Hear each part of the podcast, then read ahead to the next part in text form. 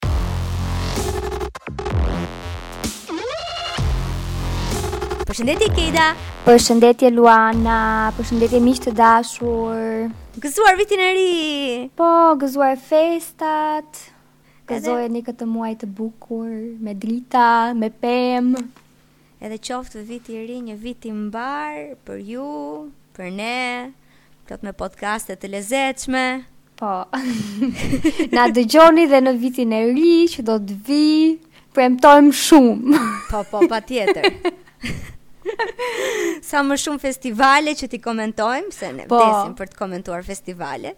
Në fakt, edhe podcasti, podcasti i kaluar ishte podcast me festival. Po. Ishte ai i këngës magjike. Po. Dhe tani rikthehemi përsëri sot për të komentuar një festival tjetër, të cilin unë e, e dua më shumë se sa kënga magjike. Nuk e di ti. Unë kam dashur më shumë këngën magjike, por me rënien e këngës magjike kam filluar të vlerësoj më shumë Festivalin e këngës në RTSH. Ah, okay. Uh, unë uh, uh, pasioni për festivalin e RTSH-së uh, ka lindur që herët që kur isha e vogël fare dhe blija kasetat. E ndiqa festivalin, blija kasetat, pastaj mësoja këngët përmendsh. Edhe i këndoja gjatë vitit. Po, po, Por, pati një periudhë të gjatë në të cilën nuk e kam ndjekur fare, periudhën që nuk kam qenë në Shqipëri dhe nuk ekzistonin këto platformat që ekzistojnë sot, mundësinë për të parë në Youtube, a ku ta di unë se çfarë, o duke përdorur IPTV e gjëra të kësaj natyre, aplikacione që ka sot, ka nga më të ndryshmet mënyra, ë, dhe e kam humbur për shumë vite, po ja që ka disa vite përsëri që iu riktheva pasionit tim të hershëm, edhe e ndoqa me kaq qejf Kejda, me shumë qejf. Mm -hmm. Po ti e shijove festivalin kësaj radhe? Unë e shijova, nuk i pashë dot të gjitha netët, atë natë, natën e nostalgjisë për fat të keq nuk e ndoqa të plotë, pashë vetëm 2-3 performanca edhe nuk mund ta nuk mund t'i shihja dot të gjitha dhe po i përdor këto ditët e pushimit tani që të update-ohem dhe të shikoj çdo gjë që kam humbur. Uh, por gjysmëfinalet e gjysmëfinalet i pashë, gjithashtu dhe natën finale. Uh, po, si gjithmonë është shumë kënaqësi të ndjekësh uh, festivalin e fundvitit. Uh, është po një traditë shumë shumë e lezetshme. Uh, mua më shqetësoi pak fakti këtë vit që ishte një javë më herët se kur është zakonisht. Më shqetësoi. Është e vërtetë që ishte një javë më herët, unë kshu e mbaj mend gjithmonë në këtë periudhë. Vërtet, po jo, unë e mbaj mend gjithmonë që ka qenë, që ka qenë javën e fundit, domethënë, jo. pas Krishtlindjeve. Unë e mbaj mend para Krishtlindjeve. Kështu e mbaj mend, pra, po, nuk e di. Unë vjet të paktën ka qenë pas Krishtlindjeve. Je e sigurt? Ta kontrollojmë tani. Ta kontrollojmë. Do ta kontrollojmë. Prit, ai vjetshmi ishte festivali 60, apo jo? Ta prit. Festivali Gjithsesi ç'u bë një një javë para, një javë më vonë. E po nuk e di pse. Se pastaj Arbana kishte edhe impenjime të tjera, duhet të niste Big Brother. Pikërisht, po, tani thotë që festivali i këngës 60, pra që ishte i vjetshmi 2021-shit, uh, gjysmë finalja e parë ishte në 27 dhjetor. A sheh, gjysmë finalja e dytë 28 Finalja ka qenë në 29. Ah, okay. Po e ngatërrova me festivalin e 59 që ka qenë kështu apo? jo, jo e shikon ka në 59-ta paska ka qenë në 21 dhjetor. E lëviz domethënë me sa duket. Sa më paska shqetësuar fakti që nuk ishte pas krishtlindjeve nuk e ke idenë. Nuk e di, m'u duk kështu si një tragjedi. Që ç'është e vërteta, domethënë, zhvillohet në dy javët e fundit mm. të të dhjetorit. Le ta, po, le ta shkruajmë kështu, le ta shkruajmë po. kështu që ta bëjmë këtë muhabet. Edhe po, kësaj radhe prezantohej nga Arbana, Arbana Osmani, e cila si t'u duk Arbana? Hmm. Si t'u duk prezantimi në përgjithësi këtë këtë vit? Të them të drejtën, më pëlqeu. Po. Më pëlqeu. Ishte i thjeshtë, i pastër, pa shumë uh, ngarkesa. Ndoshta më i drejtpërdrejtë më erdhi. Mm -hmm. Më më më, më njerëzor. Po. Dhe ajo është e shkathët, ajo s'diskutohet, domethënë Arbana shumë e shkathët, dukej bukur në skenë, e përgatitur, uh, i menaxhoi mirë edhe disa situata që dilnin jashtë kontrollit, ke parasysh ato momentet e po, lajvit, ku ndodhin gjëra. Pati po. disa, Siç është, nuk e di a e pe atë, kur goca e Robert Aliajt, o Zot, ça krinxhllëku, mami ku, po, po ça sikleti, po të dashur miq t'jua shpjegojmë, një nga momentet më të vështira për mendimin tim të këtij festivali, ishte kur uh, vajza e Robert Aliajt, Gala, e ka, po. Gala Dragot, nuk e di ka dy mbiemra Robert Aliaj, e di ti? Po, Dragot, Dragot ishte kështu si emër skene, ose mbiemër skene. Kështu u prezantoi Gala Dragot. Nejse, vajza e Robert Aliajt, e cila ka fituar The Voice Kids në në Belgjik, ishte e ftuar në natën finale si e ftuar speciale. Edhe pati një moment që s'po i fuste dot ato in-ears-at, kufjet, kufjet te po. veshi dhe zgjati nuk e di ngjante si një pafundësi në heshtje totale sala Edhe ajo e ulur në piano dhe që po përpiqej të vinte këto kufjet, edhe asnjeri që s'po lëviste që ta që ta ndihmonte. Ua, sa ka zgjatur. E disim gjë më sikur kalon 10 minuta. Shumë po, po, heshtë po, ishte shumë cringe. Shumë cringe dhe momenti tjetër cringe gjithashtu që nuk e di tani si ta përshkruaj unë këtë vajzën, ndoshta me vërtet pak e përkëdhelur, pak jashtë kontrollit. Kur kërkon aty, dua të këndoj me babin, thotë. Tani ai momenti, se un kam po. dy teori. Ishte spontan. i me vërtet spontan që ajo me vërtet kishte nevojën e babit aty dhe u shfaq Roberti dhe e shpëtoi. Ajo s'kishte nevojë, ajo thjesht pati qef, tha do thras mm. babin, më sillni babin, tha. Domethënë në momentin performoi mm. këngën e parë, Performoi dhe këngën e dytë dhe pastaj tha dua të këndoj me babin, tha. Edhe Arbana që ngeli. Po mos ma thrisni babi thoshte kjo. Vje papa vje. A vje papa. Edhe po. thriste babin që nga skena, baba ishte ku edhe Arbana që pyeste ku është Roberti. Ku është Roberti veç kur del Roberti nga mbrapa skena, edhe afrohet dhe si përfundim këndon këngën që ky paska kënduar në festival. Po që ishte po, totalisht e paparashikuar. Un jam e bindur që ishte e paparashikuar, ishte shumë e sikletshme. Po, po, po. Shumë mendova mos ishte një taktik kështu që Gjasme është e paparashikuar edhe në fakt është e parashikuar, apo jo? Jo, jo. Për mendimin tim ishte e paparashikuar nga mënyra si reagoi Arbana që ishte totalisht e tronditur, domethënë që ça të bëj unë me këtë vajzën tani, se ajo insistonte dua babin, dua babin. po imagjino dhe Roberti që doli aty, Edhe që kënduan imagjino që nëse ka qenë vërtet e pa e paparashikuar kanë kënduar aty pa bër prova para pa bër prova po dukej që s'kishin bër prova bile se ai s'kishte as mikrofon erdhën i sollën mikrofon nga e nejse ky ishte një moment i vështirë po që u kalua mirë gjithsesi po. performanca ishte e bukur ishte e bukur e atyre të dyve pavarësisht se nuk ishte provuar sepse dukej dukej që ishte e ndjerë domethënë po. edhe Edhe qe një moment i veçantë midis babait dhe vajzës. Po, plus Gala ishte dhe e sëmurë edhe dallohej. Që po, ishte ishte e sëmur. Në zërin e ngjirur. Po. Po nejse përfunduam direkt te nata finale, kjo për të thënë që Arbana e menaxhoi mirë në po. përgjithësi situatën, uh, pati uh, një mbështetje uh, nga Olta Daku, që i po. shërbeu si ko-prezantuese në dy nga katër netët, apo jo, dy nga mhm. katër netët. Nuk e di çfarë mendimi ke ti për Oltën, Kejda. Mua më pëlqen shumë në përgjithësi, po edhe te festivali më pëlqeu shumë pjesëmarrja e saj.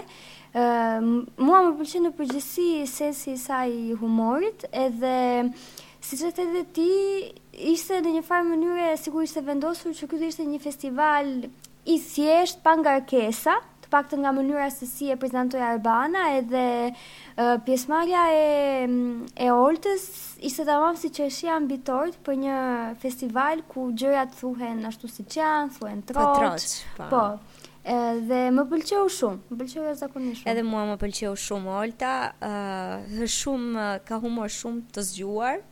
Po. Është me vërtetë e mënçur, se dukej edhe që i kishte përgatitur, dukej stili i Oltës, se e ka përgatitur vetë atë materialin që ka po. që ka aktruar pastaj në skenë. Uh, dhe un kam sinqerisht, po sinqerisht kam qeshur.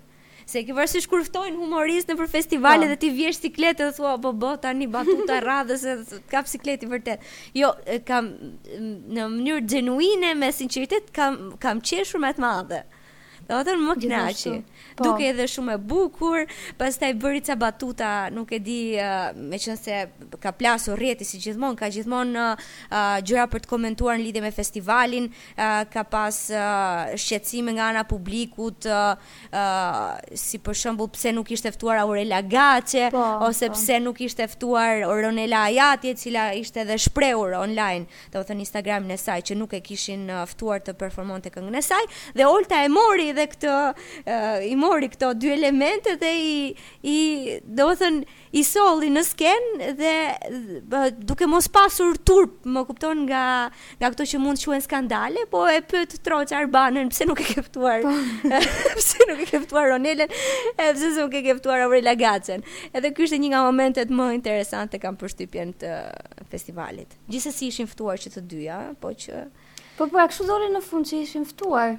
Po, Ronela ishte ftuar për të dhënë çmimin, por jo për të performuar, sepse kishin vendosur që mos të performonte këtë vit kënga fituese e vitit të kaluar. Që ka kuptim, domethënë ka kuptim, sepse është thjesht patjetër. Uh, kënga fituese e vitit të kaluar. Është shumë e, e është shumë herët po. që mendoj unë Ronela të ftohet edhe të këndojë këngën e saj në natën nostalgjike për shembull. Jo, ajo e kishte fjalën sepse në vitet e shkuara Kejda, po? me sa duket, në natën e parë ftohej kënga fituese e vitit të mëpërparshëm. Kështu ka ndodhur në vitet okay. e kaluara. Domethënë kënga fituese ajo që ka shkuar në Eurovision riftohej për të performuar në skenë. Po, dhe ajo e priste këtë ftesë, po këta nuk e bënë se radhe, vendosën që të mos e vazhdonin këtë traditën. Traditë, po për mendimin tim mirë kanë bërë. Mirë kanë bërë. Edhe thjesht e kishin ftuar që të jepte kupën, po ajo nuk ishte dashur. E, kjo më duket pak jo profesionale nga ana e Ronelës. Po pra. Mendoj që është Po, është e lezetshme kur kupa shkon nga ai që e ka fituar vitin e kaluar te ai që e meriton tani vitin e ri. Gjithsesi, këto hatërmbetjet e artistëve më respektuan, i respektova, ka plot Shqipëria nga këto. Sa të duash, po. sa të duash. Edhe kështu, po, po, regjisor ishte Eduard Grishaj, po. bashkëshorti i Arbanës, po. pastaj kishim uh, uh, producent muzikor uh, Shpëtim Saraçin, edhe producent më duket artistik, se kështu i kishin ndarë, Bojken Lako. Bojken Lako, po. Përgjithësi, festivali ishte ishte ok, ishte cilësi edhe muzika, se tani do flasim për muzikën, por risia që kishte edhe këtë vit ishte që këngët ndryshe nga vitet e kaluara nuk u publikuan në YouTube. Po. Kështu që ne nuk patëm mundësinë që t'i dëgjonim para, po. që të mësoheshim me to, që të dëgjonim versionin në studio. Se në një... Mua do më kishte... këngët... pëlqyer eh. kjo në fakt, që këngët ishin uh, futur në YouTube uh, në mos disa javë më para, të paktën një javë më parë, për t'u mësuar me këngët edhe për të bërë atë krahasimin pastaj versioni i studios me versionin final aty live në në festival. Megjithëse e kuptoj dhe pikëpamjen e tyre për ta për të mbajtur gjallë atë elementin e surprizës. Po. Por mua do më kishte pëlqyer T'i kisha dëgjuar këngët më parë në YouTube. Gjithashtu, gjithashtu sepse unë le të themi që kur dëgjova për herë të parë këngët, ngela shumë e zhgënjyer. Mm. Ndoshta sepse një pjesë e madhe e e këngëtarëve stononin, nuk e di a nuk dëgjonin veten mirë, edhe nga ata të cilët supozohet që të këndojnë mirë, nuk kanë kënduar mirë, kishte shumë stonatura. Edhe nuk të shijon kënga ashtu, nuk të po. shijon e, e kënduar keq. Pastaj kur i ridëgjova në natën e fundit, vura re që disa i kisha për zemër, disa prej tyre. Po. Por që në përgjithësi duhet pak kohë për t'u mësuar. Janë shumë të rralla ato që ta bëjnë bam me të parën, më kupton? E vërtetë. Edhe në fillim mbeta goxha e zhgënjyer, kam përshtypjen edhe ti se që të dyja e diskutuam edhe këtë ngaqë po e ndiqnim së bashku festivalin. Po. Prisnim diçka që të na linte kështu wow. gojë hapur. Është shumë e vërtetë. Në fillim unë madje të pyeta aty pas gjysmëfinales së dytë që thashë kaq këto janë këngët kaq se unë prisja që të kishte edhe po. këngë të tjera pjesëmarrëse, sikur nuk u ngopa me aq sa sa ishin pjesëmarrëse. Ëm unë bëja atë krahasimin me këngët e vjetshme dhe këngët që kanë marrë pjesë vjet më kanë pëlqyer më shumë. se sa edhe mua këto të këtij viti. Domethënë ishte tamam kjo që the ti që nuk ishte një këngë për cilën doja me vërtet të bëja tifo që duhet ta marrë kjo me patjetër. Jam shumë dakord e njëjta gjë edhe për mua. Po. Që si përfundim pasi i dëgjova edhe një herë të dytë, mund të mund të them që disa prej tyre tingëllonin këndshëm, por mhm. realisht asnjëra që të them, "Oh, kjo duhet na përfaqësojë në Eurovision, kjo është këngë e po. bukur." Meqë dolëm te Eurovisioni, çfarë mendimi ke për formulën e përfshirë në këtë festival, ku kemi dy fitues, në mund të ta quajmë kështu, pra kemi një çmim të parë, të vendosur nga nga juria dhe kemi pastaj dhe çmimin tjetër të parë në thonjëza është kënga që na na përfaqëson në Eurovision që zgjidhet nga publiku. Atëherë, mund të them që që është ide e mirë, që duhej provuar.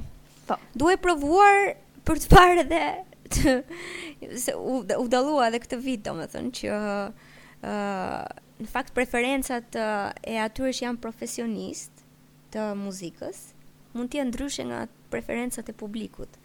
Edhe meqenëse shqiptarët janë gjithmonë të pakënaqur nga kënga fituese dhe ka gjithmonë uh, ka gjithmonë replika edhe polemika për fituesin, në këtë rast nuk e di, më duket ide e mirë që t'ia japë shansin popullit që të zgjedhë edhe ta mbajnë atë fitues, ta, domethënë, ta gëzojnë deri në fund, edhe të bëjnë tifo deri në fund. Ë, uh, kështu që po, ide e lezetshme.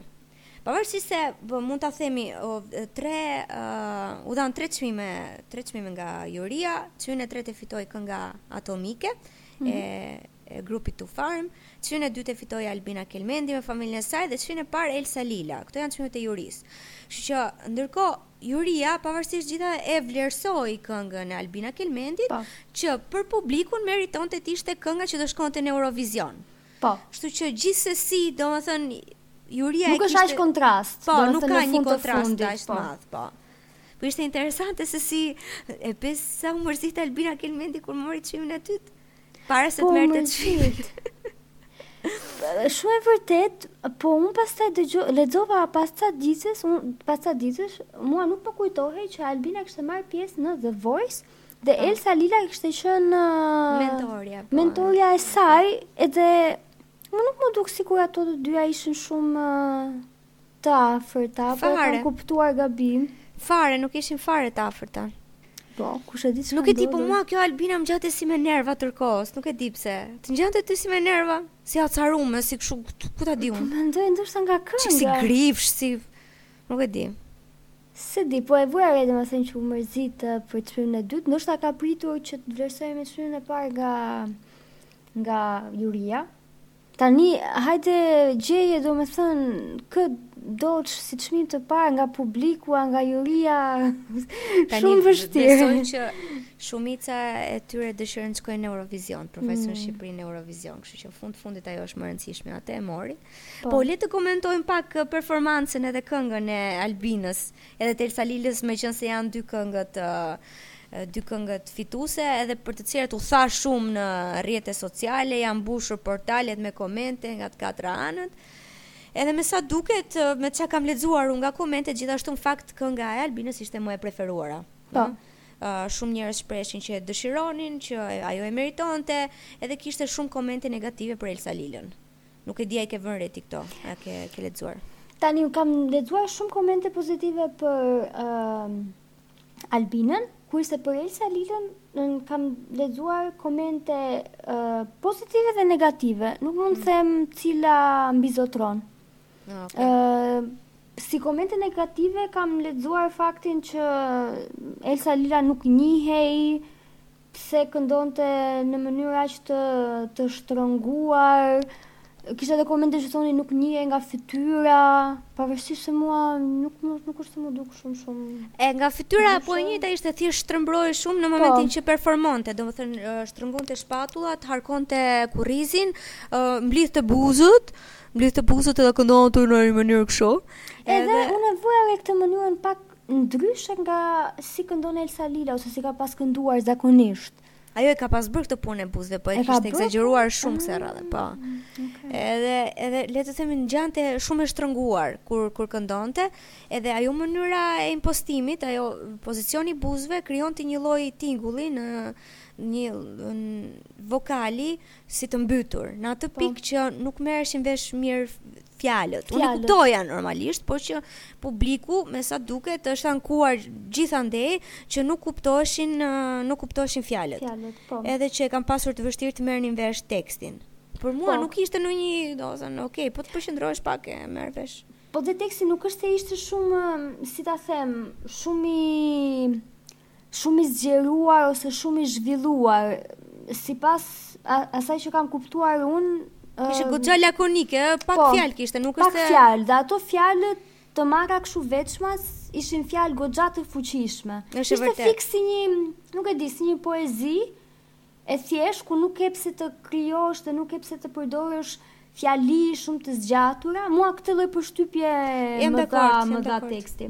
Nga ana po. tjetër kam lexuar edhe shumë komente që e vlerësonin Elsa Lilën, ë uh, madje njerëz që komentonin dhe faktin që sa keq që nuk do na nuk do na përfaqësojë Elsa Lila sepse ë uh, është artiste prej shumë vitesh, ka vokal shumë të mirë, kënga ka një mesazh ë shumë të madh.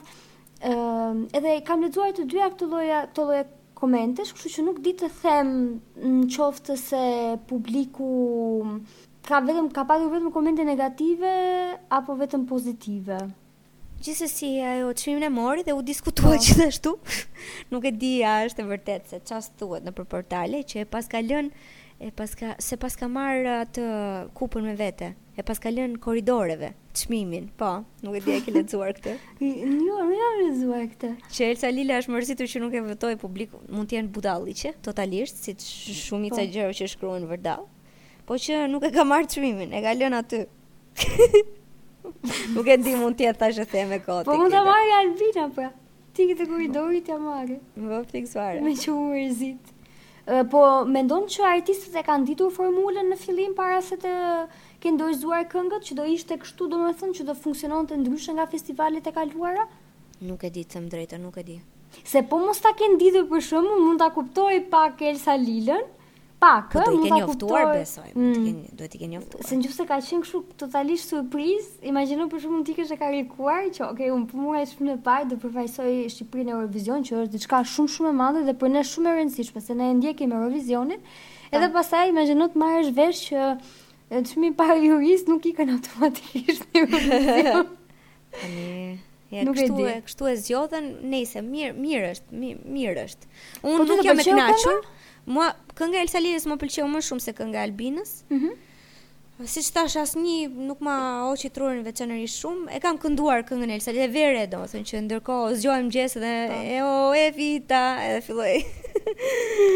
Dole ti nga errësira, erdhe ti nga hapësira. Ëh, uh, e këndoj, po.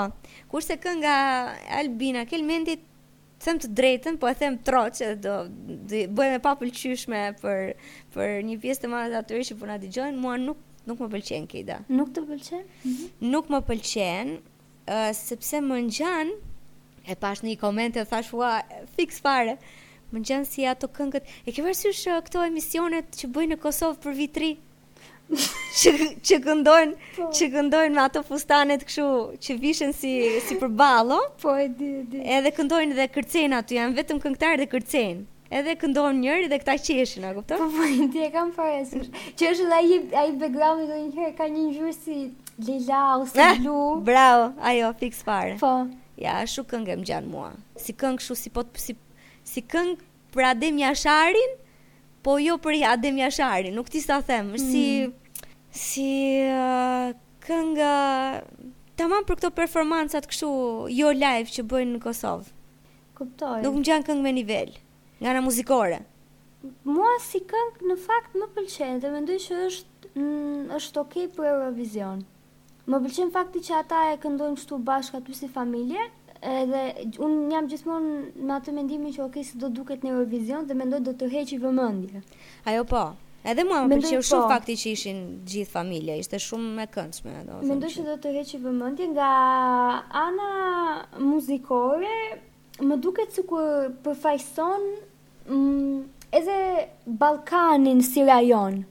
Kam lexuar shumë komente në nga të huaj që thon për shembull që o më kujton fëm, kjo kënga më kujton fëmirin time në gjy, me gjyshen në Moldavi ose ua kjo kënga tingëllon shumë turke. Edhe mendoj Po pra, është kjo që thoja po, që janë si si popullore për Vit Ri, prandaj është fiks uh, Edhe mendoj prandaj shkon pak më tej karakterit shqiptar edhe mendoj që mund mund të mund të marri vëmendje dhe mund të grumbullojmë dhe pikë nga vende që kanë ndoshta muzika të ngjashme me tonën. Ballkani, nuk e di. Po, përfshirë Turqinë, po Turqia nuk merr pjesë më në Eurovision, harrova, kështu që Tani unë uroj sinqerisht që të ketë sukses, do të thënë, meqenëse tashmë ka po. fituar, po. njerëzit e zgjodhën, uroj që të ketë sukses, ja uroj me gjithë shpirt. Po që nuk mose... nuk më nuk më mm. kënaq. Unë mua, do të thënë, mua më pëlqen, është tamam për Eurovision, për shijet e mia dhe për çfarë dërgojmë zakonisht në në Eurovision. Është shumë shumë turbo folk ballkanike. Ëh, bravo. Shumë turbo folk ballkanike. Po më mirë se sa baladë. Po. Mendoj unë. E, por shpresoj që ata të mos e përkthejnë këngën, të mos e bëjnë anglisht. Ky është meraku im i vetëm dhe se mos i bëjnë ndonjë përpunim të çuditshëm këngës. Do doja sinqerisht më mirë ta çojnë kështu siç është. Po po, edhe unë ato përpunimet e mëvonshme po, nuk i preferoj zakonisht. Kështu që shohim. Shohim, shohim. Shohim. Uh, pastaj, uh, se, që mos harroj, se është shumë e rëndësishme, po? një lajmë, uh, një lajmë i rëndësishëm që erdhi, po ti, ti nuk e ndoqe Mikida, se ti s'e ndoqe natën e tretë. Po, po, uh, po, do flasësh për... Për kë? Po se e kam lexuar lajmin, edhe ma komunikuan lajmin. Për kë? Për Fifin. Po, bravo. Po. Atë si të mos e merrja vesh, domethënë unë dhe po mos ta shof portalet vetëm të vijnë këtu trokasin te dera e shpisë dhe të thonë lexoje, domethënë lajmi është kudo. Po, ne, ne imagjinonim që Fifi mund të ishte, para se të dëgjonim këngët që Fifi mund të ishte fituese për shkak të mbështetjes së madhe që ka, po. për shkak të fansave të shumtë që ka. Edhe, zakonisht, Fifi bën këngë të bukra, zakonisht. Po, shumë që, Por kësaj radhe, kënga e lezetshme ishte, por performanca e Fifit, për mendimin tim, shumë e keqe. Është shumë e stonuar. Mos më kënga fare. Nuk ah, okay. Eh, po ta dëgjosh versionin studio nuk është nuk është aq keq, po live okay. është tmerr. Nuk është keq versioni okay, studio. Do ta dëgjoj. Por që Fifi nuk fitoi, ama ë uh, bëri bujë një një lajm i rëndësishëm që dha natën e tretë dhe unë që po mendoja po ç'do kjo pse sot ç'është kjo? Asu nuk e mora vesh. Nuk e di, më vjen si turp, a kupton ç'është kjo? Je shtatzënë do ja thuash gjithë Shqipërisë në natën e festivalit. Futja kot. Ç'u ky muhabet. Nuk e di si të duket ty si dhe. Një nevojë për vëmendje e tepërt, a kupton? Po në çfarë muaji ishte shtatzënë Fifi? Po për ta e thonë muajin e 6. S'e di, unë jam pak shu, kam pak frikë nga këto shpalljet Deri kur fëmija lind. Nuk e di pse, e kam një çik shumë me merak. Edhe unë kam me merak. Kur po, jo, e shpall para gjithë Shqipërisë që je shtatzënë po.. Se ja po shkoj diçka keq, të pastaj po. do e vuash më shumë. Po gjithsesi urojmë Fifit një shtatzani sa më të mbarë. Edhe t'i rrojë vajza, djali, çfarë do lloj Gjinia që do sjellë në jetë, kështu që uroj më të mirat, por edhe mua më duket pak pa lidhje fakti që e deklaroi ashtu hapur sepse nuk ka nuk është një një lajm që lidhet me festivalin, që lidhet me qoftë që lidhej dhe me këngën e, po, Fifit, se po të ishte për shembull një këngë që bazohet tani te ndjenjat e Fifit gjatë shtatzanisë ose nuk e di, ndjenjave të saj për faktin që do bëhet nënë dhe do marrë një status tjetër, atëherë po. Pa. Do ta justifikoja dhe do thoja, ok, ka patur një frymëzim kaq të madh për të shkruar këtë këngë, po kënga ishte për bullizmin. Po. Nuk kishte lidhje fare domethënë me me faktin që Fifi ishte shtatzënë. Pastaj edhe këto deklaratat kështu në muajin e gjashtë Ku gjërat akoma, kur fëmija akoma nuk ka lindur, nuk e di. Sa shpejt që e bënë, mi keq ata kur u lidhën, direkt e bam bam. Po, pse sa kanë ata që janë lidhur? Po këtë vit a ka qenë Big Brother deri në janar, kur ka qenë? Ua, po pse duket, mua më duket si një përjetësi, që nga koha kur ka qenë, kur gjithë këta kanë qenë Big Brother. E, që në janar, besoj, ku ti unë, se unë s'e kam ndjekur Big Brotherin, kështu që... Po, diçka e tillë do ketë qenë. Po, shpejt e shpejt, po Pastaj u njoftën, pastaj bam bum. Po pse, shpejt e shpejt, më mirë ashtu. Më mirë, më mirë. Po çfarë mendohen njerëzit, po çfarë mendohet Fifi. Po. Fiks. Ua, po shpresoj shumë që kjo shtatzania ta frymëzojë që të bëjë ca këngë shumë të lezetshme, të bukura. Hajde, ishalla. Po. Ishalla.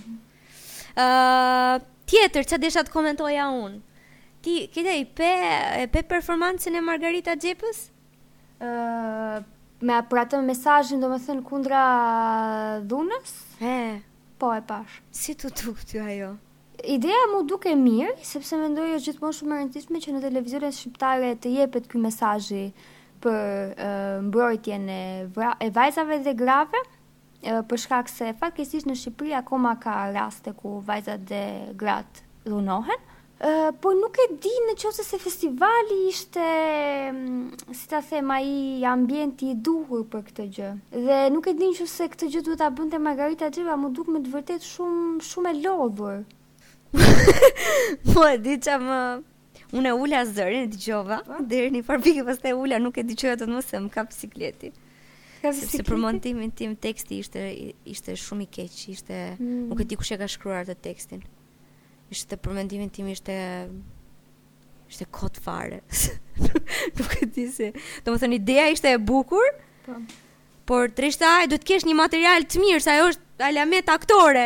Jepi diçka me vlerë që të performojë. Unë e perceptova, mendimi... sikur Margarita ishte me vërtet shumë e lodhur dhe di çfarë po mendoja thashë po po lërini këta të mëdhenjtë rehat. që kanë bërë gjithë atë punë një rehat, po s'i detyroni më të dalin në skenë. Në fakt edhe nga që nga që është në një farë moshe, unë nga momenti në moment obobo do ta harrojë. Obobo do ta harrojë. Po lërini këta njerëz rehat, domethënë e kanë bërë punën, e kanë dhënë kontributin. Po. Obobo do ta harrojë. Pastaj Mirush Kabashi, nuk e dija e pe që e qau performancën e tij, ajo po, se ishte alamet poezie. Kishe qef ta qef ta dëgjoje. Por që Margarita Xhepa mua më kap një siklet i paparë, mm. për shkak të tekstit shumë të dobët, ishte shumë shumë i dobët teksti. Nejse, pak rëndësi ka. Atëherë tjetër që desha të komentoja unë, po, a kishe ndonjë këngë tjetër përveç këtyre që përmendëm deri tani, që sikur të hyri në zemër? tani unë kisha një këngë që nuk e prisja kurrë që do më... Jo, kisha dy këngë që më hynë në zemër, uh, por asnjëra nga ato këngët nuk kaloi në finale. Kështu që... Um, kënga e parë që nuk, nuk e prisja kurrë që do e dëgjoja aq shpesh, ishte ajo kënga Mali E Anduel Kovaçit, unë atë këngën është e bukur të vërtet. Ajo, domethënë, unë të nesërmen kam qenë në punë atë ditë edhe ka, kisha një ditë relativisht shumë të vështirë te puna dhe e vetmja arsye pse unë e çova deri në fund atë ditë, ishte vetëm prej kësaj këngës që e vija aty në YouTube edhe e dëgjoja dhe më qetësonte shumë. Oh, sa bukur. Është këngë e bukur. Po, edhe edhe mua më pëlqeu. U mërzita shumë që nuk kaloi në finale. Edhe edhe unë aty po bëja tifozlik që jo Andueli, jo Andueli. Po se ai e këndoi shumë mirë, e këndoi shumë saktë. A ishte këndo, domethënë, që ishte tenor, apo jo? E, më duket që po. Po, e këndoi shumë saktë, edhe kjo kënga, e di kë më kujton, të kujtohet uh, kënga e Robert Beri, Berishës. Po, po dhe mua atë më ka kujtuar. Po, po. Në 2020-ën? Jo, 2019-ën, po. 2019-ën. Më kujtoi atë këngën që edhe atë kemi pas qef. Po, po, po, e kemi pas qef. Edhe mua më pëlqeu kjo. Dhe kënga tjetër që më pëlqeu ishte kënga e Sara Kapos para teje. nuk më pëlqeu performanca live. Kështu që shumë keq Kejda. Shumë duhet, shumë shumë keq. Po, dua t'i jap një shans versionit të regjistruar. Sepse si këngë m'u duk e veçantë krahasuar me këngët e tjera, kishte pak si të paktën mua më dha një kështu përshtypje si këngë pak si këngë jazz, ai teksti i lezetshëm, u duk ndryshe nga nga këngët e tjera. Vërtet, por po. versioni live nuk më pëlqeu aspak. Edhe dua të dëgjoj versionin e regjistruar sepse ishte hedhur në YouTube. Po. Ah, okay. Po. Kurse mua un dhash një vot, s'e thash. Ah, votove. Ka që po të 600 lekë. Po do të maksimumi 3 vota mund të nisni atë. Sa vota do të nisni? Ka se edhe një, edhe po. shumë e kanë. E nisa një votë për këngën time të preferuar, të preferuar, domethënë këngën që më shumë më bëri përshtypje se ishte e veçantë për mendimin po. tim, që është ai këngëtari si e ka tani emrin s'e mbaj mend, po ai i Jericho, uh, frontmeni i Jericho. Uh, Petrit uh... Petrit uh, Ua, ja ka xhiu, Çarka Çarkaxhiu, Çarkaxhiu, një gjë kështu. Prit se do ta gjejmë që ta nderojmë tamam zotrin. Po. Atë kam votuar unë me këngën Emri yt mirësi. Po. E le të shkruajmë sa e kënga. Ia kishte po. dedikuar nënës si shumë e veçantë, dukej stili i Xheriko aty po. në atë mes. Edhe unë e votova. Çarkaxhi, Çarkaxhiu. Çarkaxhiu, po. Okej. Atë votova unë. Edhe po 600 lek. Të vjetra. e po shumë lirë 600 lek. Ë, po, edhe aq lirë. Po se nuk e di, unë mendoja gjithmonë që janë mbi 1000 lekë të vjetra këto. Po ja nga Kosova bënte 1 euro për shembull. Seriozisht bën 1 euro? Po ç'sh? Nga Kosova 1 euro, nga Shqipëria 600 lekë. Po 1 euro. Gjithsesi unë e di që vota ime do shkonte kot. Se po, nuk po, do. Po gjithsesi tani nuk po më dalin llogaritë, 1 euro nuk është 600 lekë, ç'është kjo vjedhje? Ja, po ça t'i bësh? Edhe kështu, domethënë, këto, kjo ishte kënga që votova unë, pastaj të tjerat, Ishin ok në përgjithësi. Jo po. ndonjë gjë. S'di ça të them. Nuk e di cila nga nga këto do të mbizotroj, mbi mbizotroj thuhet, mbijetoj, jo mbizotroj, ç'është mbizotroj. Mbijetoj kohës, a do dëgjohet ndonjëra prej tyre? Nuk po kam di. dyshimet e mia. Gjithashtu dhe un kam dyshime. Ëm um, nuk e di as, domethënë nuk e di dhe nëse kënga fituese që do na përfaqëson në Eurovision apo kënga fituese e Elsa Lilës do do dëgjohen më vonë. Nuk e di. Po çfarë mendon për çmimin e tretë të festivalit për Atomike? Të pëlqeu? E lezetshme, e lezetshme, më pëlqejnë ata, më kanë pas pëlqyer që që atëre. Kur bënin këngë para shumë vitesh. Edhe janë janë të veçantë, janë të veçantë po. Pastaj mu më pëlqen edhe Kastro, zëri i Kastros. Po. Ëh, uh, Nuk është se merrja vesh mirë tekstin, do doja ndoshta do ta lexoj një ditë me vëmendje ta analizoj. Por që këndshëm, këndshëm, besoj që e meritonte. Po. Gjithashtu. Këngë e veçantë, ndryshe nga të tjerat. Ë, uh, thjesht m'u duk pak um, më kaotike se ç'duhet. Kjo ishte ndjesia ime. Por ndoshta duhet të dëgjoj dhe versionin e regjistruar nëse ata e kanë një version të tillë. Edhe unë do doja ta dëgjoja.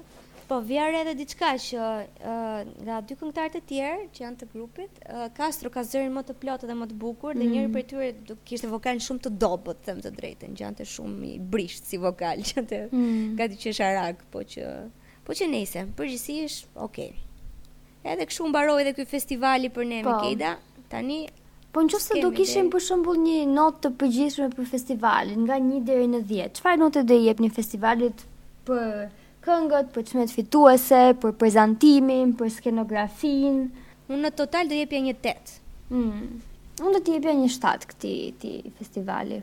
Mm, ok. Kështu që aty aty jemi mesatar. Në rregull, 7.5. Po. Kështu pra, mbaroi dhe festivali i 61-të i këngës në RTSH.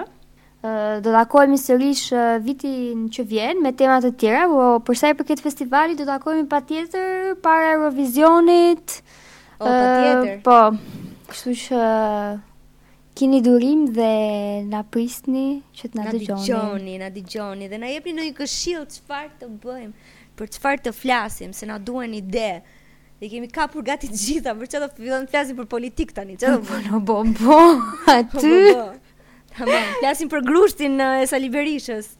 Po po, s'kemi, po ne s'kemi folur për asnjë temë politike, kemi mbajtur kështu domethënë, jemi goca korrekte, që nuk merremi me po, po. politikë. Nuk merremi, ne jemi kështu të ndershme. Po, po në qoftë se po, ju miq keni dëshirë të dëgjoni opinione tona amatoreske mbi politikën, mbi grushtin e Sali Berishës, ose ndonjë gjë tjetër, na shkruani edhe ne me, me, me gjithë qejf, do të, do të, do të përgatisim një